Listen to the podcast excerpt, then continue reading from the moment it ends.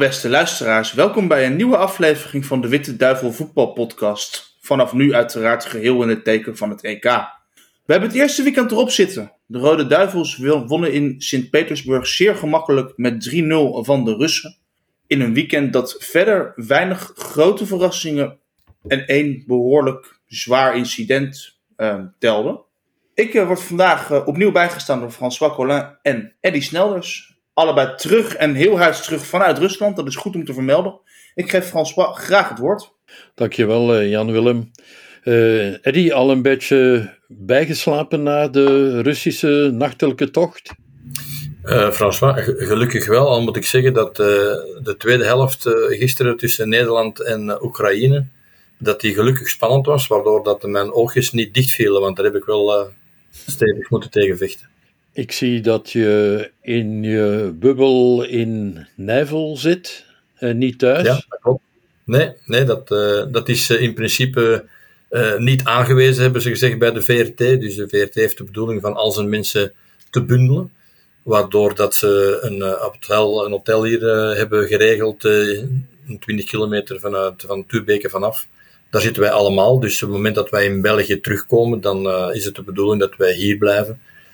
Dat is vooral een coronamaatregel natuurlijk, hè, om niet te veel risico's te nemen dat we met veel mensen of andere mensen in contact komen. Maar ja, goed, het is een goede intentie. Het is niet altijd even makkelijk, denk ik, om dat te realiseren. Maar vandaar ook dat wij hier, hier nu allemaal gezamenlijk zitten en van hieruit ook naar Tuurbeke afreizen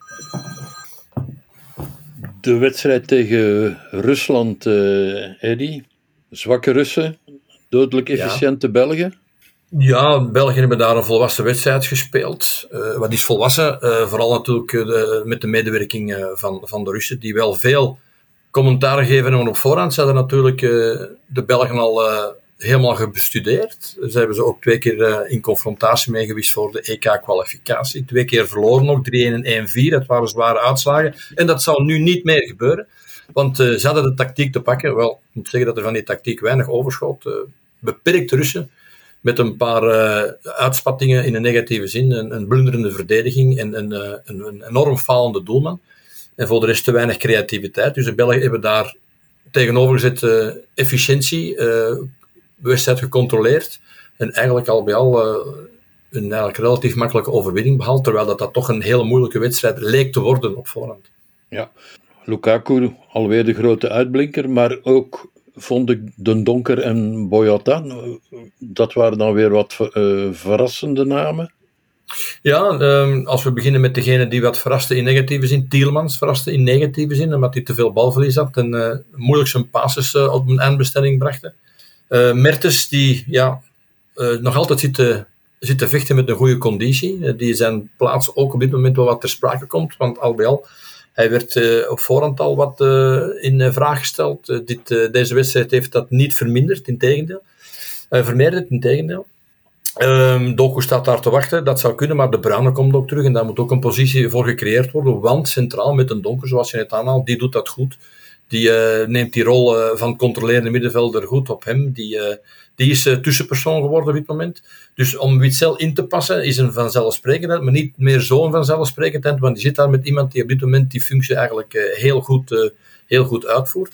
Dat is een positief punt. Positieve selectieproblemen zijn dat voor, voor Martinez in de nabije toekomst.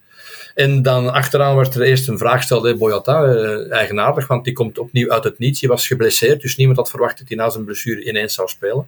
Wel, ik moet zeggen dat Martinez dat goed heeft beoordeeld, want hij heeft een goede wedstrijd gespeeld. Hij heeft uh, tegen Zuba altijd de duels uh, gewonnen. Uh, die is nooit in de problemen gekomen. Eén keer is een uitschuivertje met een controle, maar oké, goed, dat, dat gebeurt wel eens. Maar als je al zo moet gedetailleerd gaan kijken, dat wil dat zeggen dat hij, het goed gedaan heeft andere kant moet ik wel zeggen dat de Russen niet in die mogelijkheid waren om de Belgische verdediging erg te verontrusten, maar hij gaf een stabiele indruk. Heeft dat ook gehad in 2018 in het WK, was hij ook eigenlijk heel betrouwbaar. En ook uh, tegen de Russen voor die EK-kwalificatiewedstrijd in Rusland, dan was hij ook goed. Dus eigenlijk die, die keuze van, van Martinez was de juiste. Maar ze was een beetje verrassend, omdat we niet hadden verwacht dat hij na blessure zo snel opnieuw naar Bota zou grijpen. En dat heeft hij goed gedaan. Zowel Martinez als Boyota. Positief was ook de invalbeurt van uh, Hazard. En dan donderdag zou Witzel echt al in actie komen. Uh, Het gaat allemaal heel, heel snel plots. Ja, ik moet wel zeggen, die, iedereen is enorm euforisch over de invalbeurt van Hazard. Ze was in ieder geval al langer dan de vorige, hij had ook iets meer inspeeltijd, gelukkig voor hem. Maar ik vond ook dat er goede en slechte acties elkaar een beetje afwilden. Ook een paar keer opvallend balverlies. De snedigheid die we van Hazard hopen te zien, die was er nog niet. Dat is misschien niet onlogisch. Maar, maar ik denk toch vooral dat hij nog wel wat, uh, eerst op training nog wat scherpte moet aankweken. En dat hij nog niet op dit moment de Hazard is die, we, die al iets zou kunnen forceren. Laten we hopen dat we daar snel wel iets van zien. Maar het is goed natuurlijk dat hij al een deel minuten heeft. En, en vooral dat je hem kan inbrengen op het moment dat de wedstrijd eigenlijk al in een, in een relatief definitieve plooi ligt. Waardoor dat je, oké, in een mindere periode dat altijd wel wat kan opvangen. Maar om nu te zeggen van, wauw, ik heb de Hazard gezien, dat is nogal eens een progressie geweest. Dat nog niet. Ik vond niet echt dat de scherpte al aanwezig was. Maar oké, heeft nog wel wat weken. Uh, ik denk de eerste twee wedstrijden nu, die poolwedstrijden, die zijn daar nog voor aangewezen, denk ik, om op die manier wat meer en meer te brengen. Laten we dan hopen dat die scherpte toch zeker terug is tegen de, de achtste finales. Want dan gaan we zowel Witzel, uh, De Bruyne als, uh, als Hazard wel geleidelijk aan nodig hebben natuurlijk. Ja.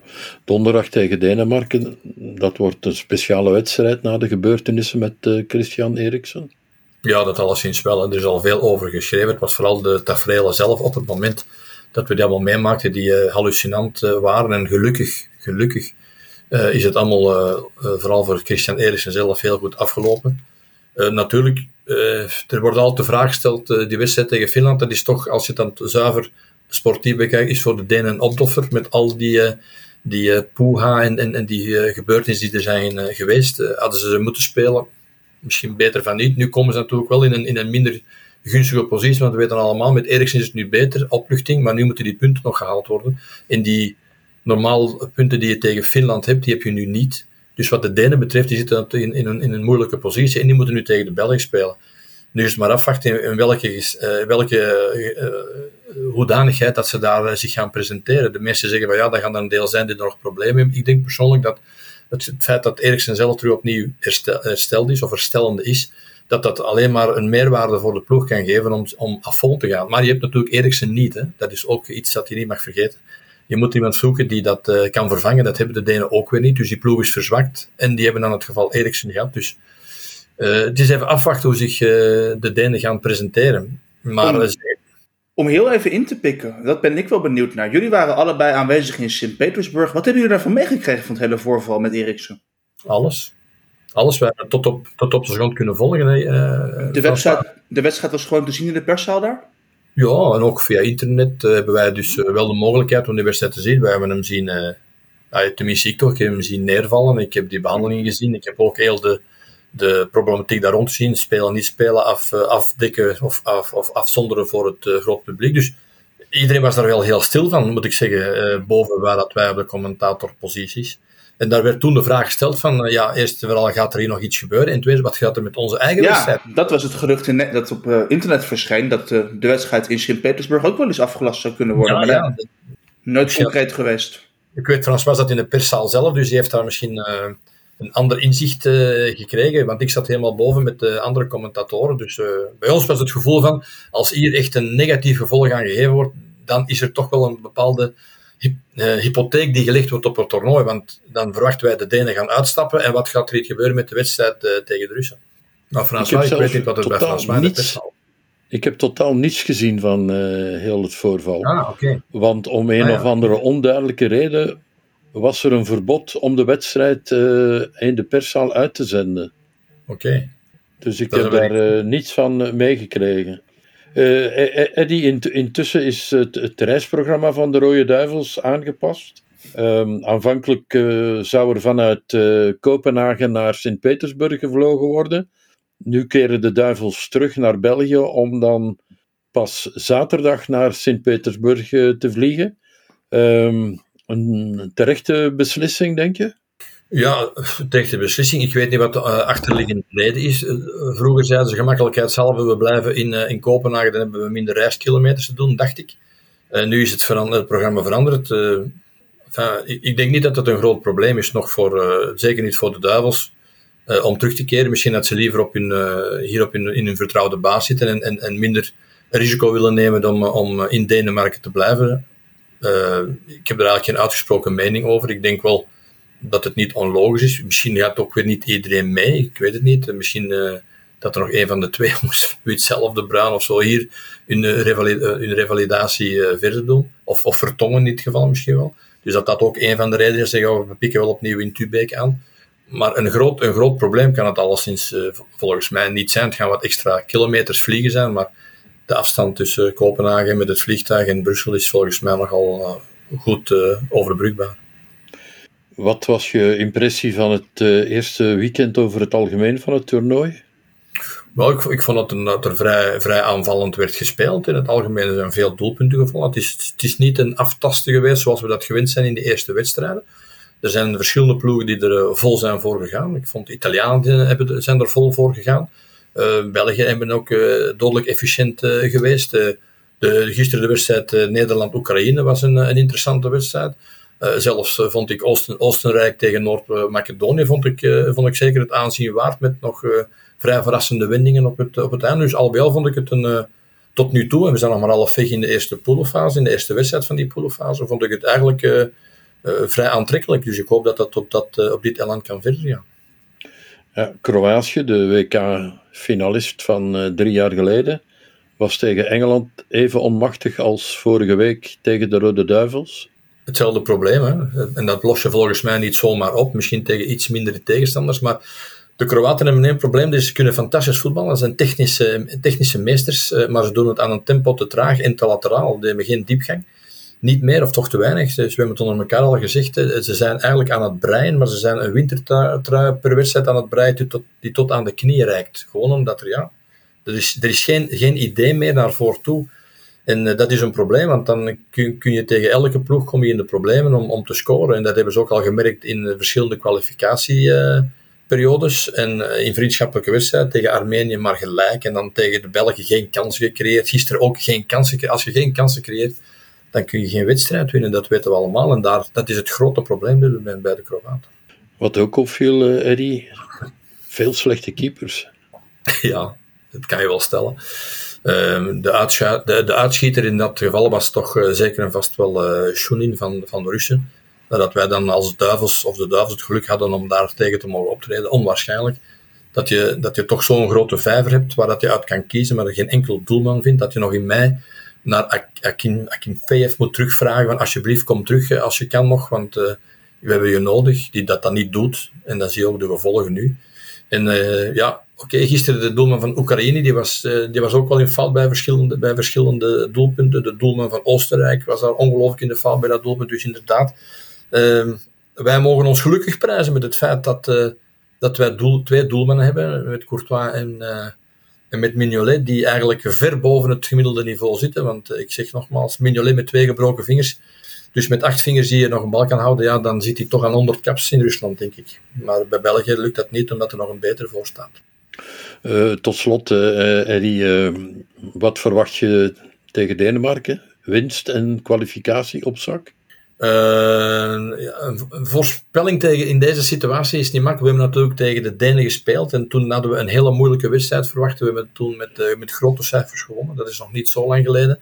Maar sindsdien zijn die Denen toch wat gebeterd en die zijn toch, want die hebben toch wat kwaliteit, die hebben toch wat namen in hun rangen. Alleen ja, die hebben die dreun van Eriksen gehad nu en hoe gaan die daarop reageren? Gaan die daar uh, boven zichzelf uitstijgen of, of niet? Maar ik denk in principe dat de Duivels daar opnieuw inderdaad eh, de lakens naar hun toe zullen trekken, dat ze daar met een overwinning zullen vertrekken.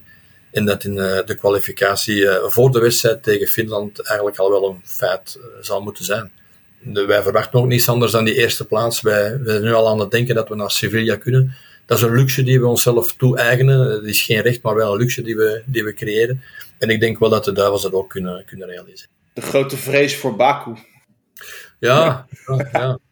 Bij, vooral bij François is een hele Tegen elke ja, prijs vermijden, heb ik vernomen. om, om sportieve redenen zou het beter zijn om uh, via Amsterdam en uh, Baku verder te gaan. Dan krijg je uh, op papier makkelijker tegenstanders. Maar ehm, ik denk dat we toch maar beter voor die eerste plaats in de, in de poelen gaan. Duidelijk.